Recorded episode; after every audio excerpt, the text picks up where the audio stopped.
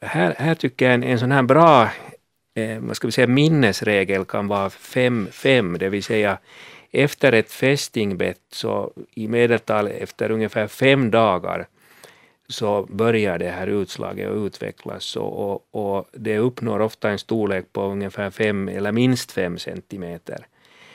Så, så det kan vara en sån här grov eh, tumregel att hur man kan liksom skilja mellan, mellan en sån här eh, mera allergisk reaktion som man kan få direkt efter att man har blivit fästingbiten så kan man eh, se att det sväller upp lite och blir lite rött men då är det mera frågan om en sån här eh, direkt liksom allergisk reaktion. Mm.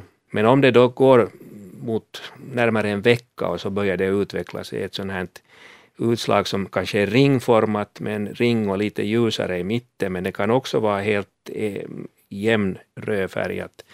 Så då, då ska man nog eh, dra öronen åt sig. Då är det hög tid att söka sig till en uppsöka, läkare. Uppsöka Ja. en läkare, ja. Men här bör väl påpekas att det är inte alltid så att den, den syns den här ringen. Nej, det stämmer. Det är ungefär i hälften av fallen, så där grovt sett, det beror lite på olika studier, men ungefär hälften av fallen som, som man, man har ett sånt här Mm. utslag.